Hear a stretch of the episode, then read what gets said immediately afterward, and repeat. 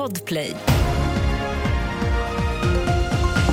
Vi börjar med att kollektivavtalsstrejken mot Tesla fortsätter och nu sprider sig strejkåtgärderna till både Norge och Danmark. PM Nilsson som är VD för tankesmedjan Timbro menar att IF Metall spelar ett högt spel. Tesla har en global modell för hur man organiserar sina arbetsplatser och det vill man ha även i Sverige. Och om det inte går, då är risken att det låser sig och att det blir en markering från Tesla och att företaget sticker. Och det är ju en stor förlust för IF Metall och för Sverige och för alla Tesla-ägare och för alla som funderar på att köpa en elbil.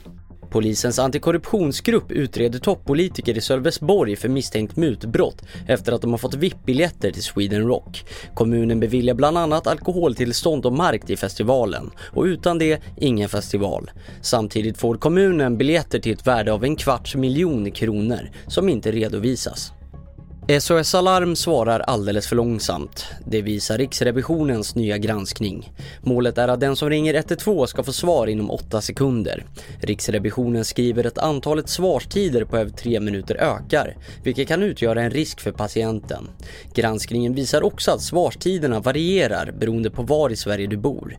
Fler nyheter hittar du på tv4.se. Jag heter Theo Atgaret Odag.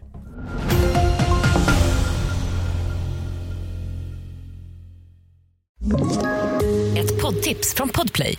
I podden Något Kaiko garanterar östgötarna Brutti och jag, Davva, dig en stor dos skratt.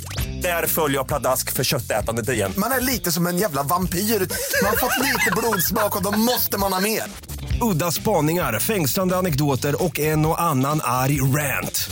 Jag måste ha mitt kaffe på morgonen för annars är jag ingen trevlig människa. Då är du ingen trevlig människa, punkt. Något Kaiko, hör du på Podplay. Därför arkadeinerna.